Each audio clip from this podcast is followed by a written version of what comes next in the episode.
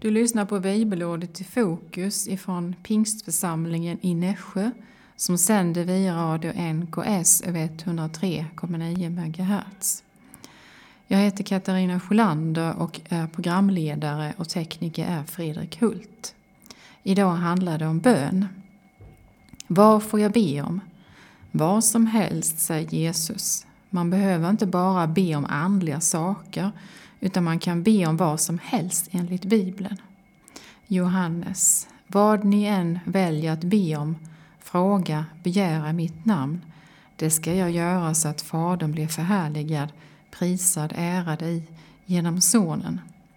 Om ni väljer att be om, fråga, begära något mitt namn så ska jag göra det. Vad människor än har för bekymmer och vill be om så finns Gud där för dig. Och vi ber i Jesu namn så ska Fadern göra det. Och Fadern ska bli förhärligad.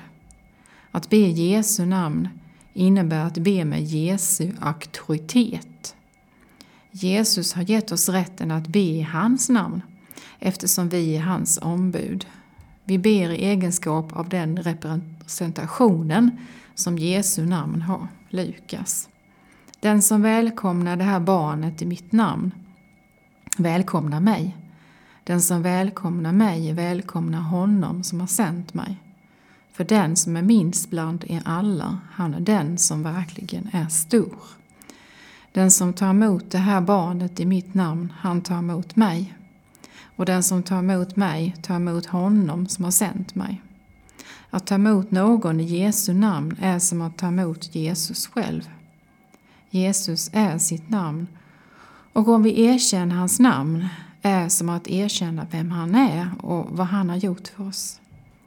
När vi ber eller agerar i Jesu namn handlar vi i hans auktoritet och med hans godkännande. Det vi ber för, eller det vi gör, överensstämmer med hans karaktär i hans namn. Att be i Jesu namn betyder att be enligt hans vilja. När du ber till Gud nästa gång, säg då att du kommer till honom i hans namn.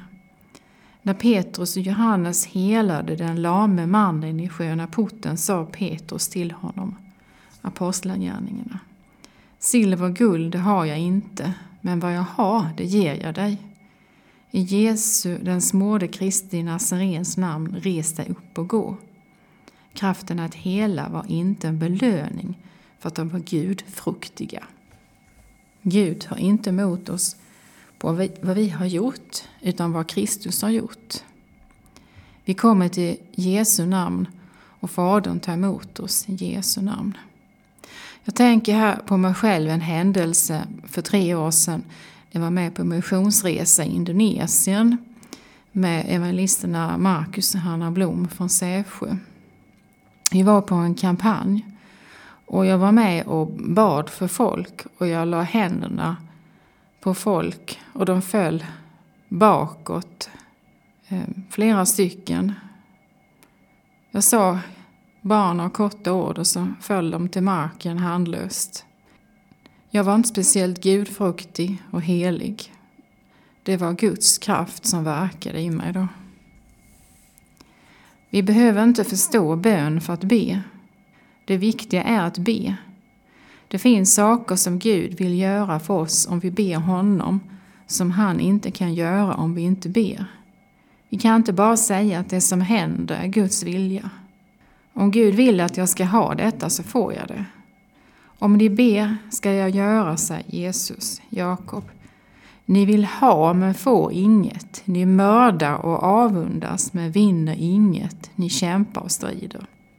Ni har inget därför att ni inte ber, frågar. Ni ber men får inget därför att ni ber illa med fel motiv för att sedan slösa bort det på era njutningar.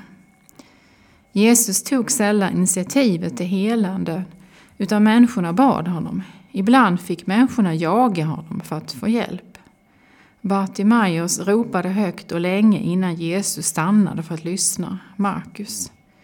När Bartimaeus hörde att det var Jesus från Nasaret började han ropa på gång Jesus, Davids son, förbarma dig över mig. Många tillrättavisar honom skarpt att vara tyst.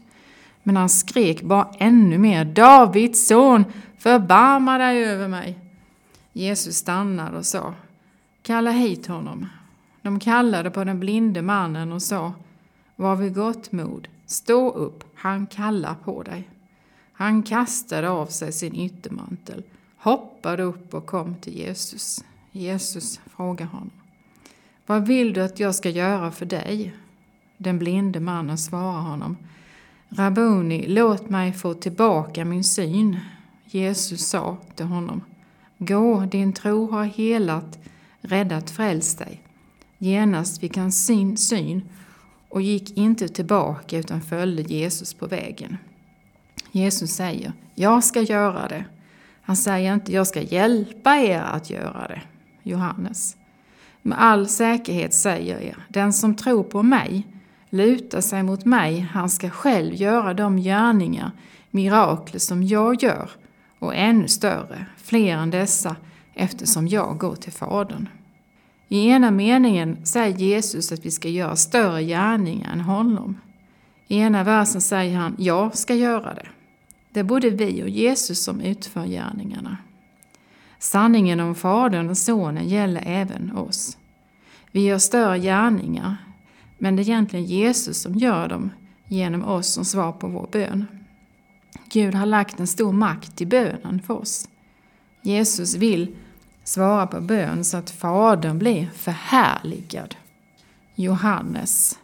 Vad ni än väljer att be om, fråga, begära mitt namn, det ska jag göra så att Fadern blir förhärligad, prisad, ärad genom Sonen. Det stora är att be är att Fadern ska bli förhärligad när vi får det. Bönen behöver ske i Guds vilja, i Jesu namn och ha Guds förhärligande som drivkraft. Jag bör be i Jesu namn när det jag ber om är i hans vilja och när bönesvaret kommer att bli förhärligad av Gud. När jag ber för det som Gud vill, när både jag och Gud vill samma sak, då är jag på rätt väg. Jesu förbön för Petrus hindrade att Petrus tro tog slut. Petrus mod tog slut, men inte hans tro. Vi är väldigt lika Jesus när vi ber för andra personer. Paulus avslutar Efesierbrevet med betydelsen av förben. Be alltid anden, ta varje tillfälle i varje stund med alla typer av böner, sätt att söka, fråga. Vaka, var redo med uthållighet och mål i förbön för alla de heliga Guds utvalda folk. Be också för mig, så att jag får tala fritt, så jag kan öppna min mun för att frimodigt proklamera, berätta mysteriet om de goda nyheterna, evangeliet som nu är uppenbarat för vilken jag är en ambassadör. Jesus undervisar lärjungarna om bön och han ville lära oss att be för varandra. Jesus lärde lärjungarna Fader vår, Lukas. Fader, låt ditt namn bli ärat, låt ditt rike komma. Ge oss var dag vårt dagliga andliga fysiska bröd. Förlåt oss våra synder, för också vi förlåter var och en som står skuld till oss. För oss inte in i frestelse. Vi behöver vara frimodiga i bön och våga be. Abraham var frimodig när han bad för gudlösa Sodom i Första Moseboken. Ska du förgöra den rättfärdige tillsammans med den ogudaktige? Aldrig att du skulle göra så att låta den rättfärdige dö med den ogudaktige. Det är en vågad bön till Gud att tala om hur Gud ska göra. Mose hade även stort mod vid förbön. I Mose hade varit tillsammans med Gud på berget och under tiden hade folket glömt Gud som räddat dem från egyptierna. Folket byggde en guldkalv som de började tillbe och folket blev lössläppta mot varandra. Gud hade fått nog av folket då han ansåg folket vara ett hårdnackat folk. Gud ville utlösa sin vrede mot folket och förtära dem. Mose försökte medla, Andra Moseboken. Men Mose bönföll inför Herren sin Gud och sa Herre, varför skulle din vrede brinna mot ditt folk som du har fört ut ur Egyptens land med stor kraft och stor hand? Varför skulle egyptierna få säga till deras olycka har han fört dem ut för att döda dem bland bergen och utrota dem från jordens yta.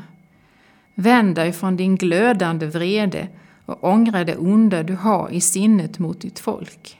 Kom ihåg Abraham, Isak, Israel, dina tjänare, som du med ed vid dig själv har lovat. Jag ska göra era efterkommande lika talrika som stjärnorna på himlen och hela land som jag har talat om ska jag ge åt er efterkommande. Det ska få det till arvedel för evigt. Gud kallar dem Mose folk medan Mose kallar dem Guds folk. I Moses bön gör han två vågade uttalanden. Moses säger till Gud att hans rykte kommer att få lida om Gud förgör sitt folk. Och egyptierna kommer föraktfullt att säga att Gud förde folket ut ur Egypten för att kunna döda dem bland bergen. Sen säger Mose att Gud, om han fullföljer sina planer, så kommer han att bryta sitt löfte med sitt eget ord. Då ångrade Gud sig från att vilja döda det folk som han hade hotat med. Mose använde förbönen som vapen och räddade en hel nation. Förbön behöver vara en envis bön. Jesus tar upp liknelsen om änkan och den orättvise domaren. Jesus, Lukas. Jesus berättade sedan en liknelse för att visa dem att det är nödvändigt att alltid be, umgås med Gud för att inte tappa modet, ge upp. Han sa, i en stad fanns en domare. Han fruktade inte Gud och han hade ingen respekt för människor. Han gjorde som han själv ville. I samma stad fanns en änka som gång på gång kom till honom och sa Hjälp mig att få rätt mot min motpart. Han vägrade under en lång tid, men till sist så sa han till sig själv Även om jag inte fruktar Gud eller har respekt för människor ska jag döma rättvist. Om jag inte gör det kommer hon alltid att besvära mig och till sist ge sig på mig. Domaren fruktade inte Gud och brydde sig inte om människor heller. Domaren vägrade hjälpa en änka som ville ha rättvisa. Domaren hade inget medlidande till änkan. Änkan var envis och enträgen. Domaren ändrade sig och när änkan kom tillbaka om och om igen så ändrade domaren sig. Domaren var nog rädd för att änkan skulle slå honom gul och blå till slut. Jesus säger sen ni hör vad den orättfärdiga domaren säger. Skulle då inte Gud som är rättfärdig ge rättvisa åt sina utvalda, som ropar till honom dag och natt, ge dem rätt, hjälpa dem? Jag försäkrar er, han ska snabbt ge dem rätt, hjälpa dem. Om en orättvis domare ger efter för en envis änka, hur mycket mer kommer inte Gud att belöna sitt folks envishet och ropande efter Gud i sina böner.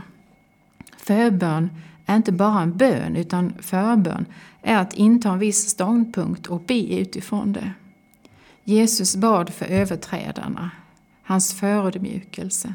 Han bad för sina lärjungar. Han bad för sin tjänst, sin ångest, sitt liv. I Bibeln står det att Jesus sitter på Guds högra sida och Jesus har intagit en viss hållning och position för att be för oss. Vad får jag be om? Vad som helst, säger Jesus. Jag vill uppmuntra dig att be för andra människor. Be för världsliga ledare. Be för Sveriges ledare och vårt land Sverige. Be för andliga ledare och Guds välsignelse för deras tjänst. Be för din familj. Be för dina vänner, dina grannar, arbetskamrater som exempel. Be för att Gud genom sin ande ska ge kraft och styrka åt deras inre människa. Be att Kristus genom tron ska bo i deras hjärta. Be att de ska lära känna Kristi kärlek. Be att deras kärlek ständigt ska växa. Be att de ska kunna avgöra vad som är väsentligt. Be för att de ska kunna stå rena och skuldfria. Be att de ska fyllas av rättfärdighet som är frukten av Jesu verk. Be att de ska kunna leva värdigt Herren. Be att de ska bära frukt och behaga Gud med alla slags goda gärningar. Be att hans kraft på alla sätt ska ge dem styrka. Be att de ska tacka Fadern. Tack för du har lyssnat denna stund. Guds välsignelse till dig. Du har nu lyssnat på bibelordet i fokus ifrån Pingstförsamlingen i Nässjö som sänder via Radio NKS över 103,9 MHz.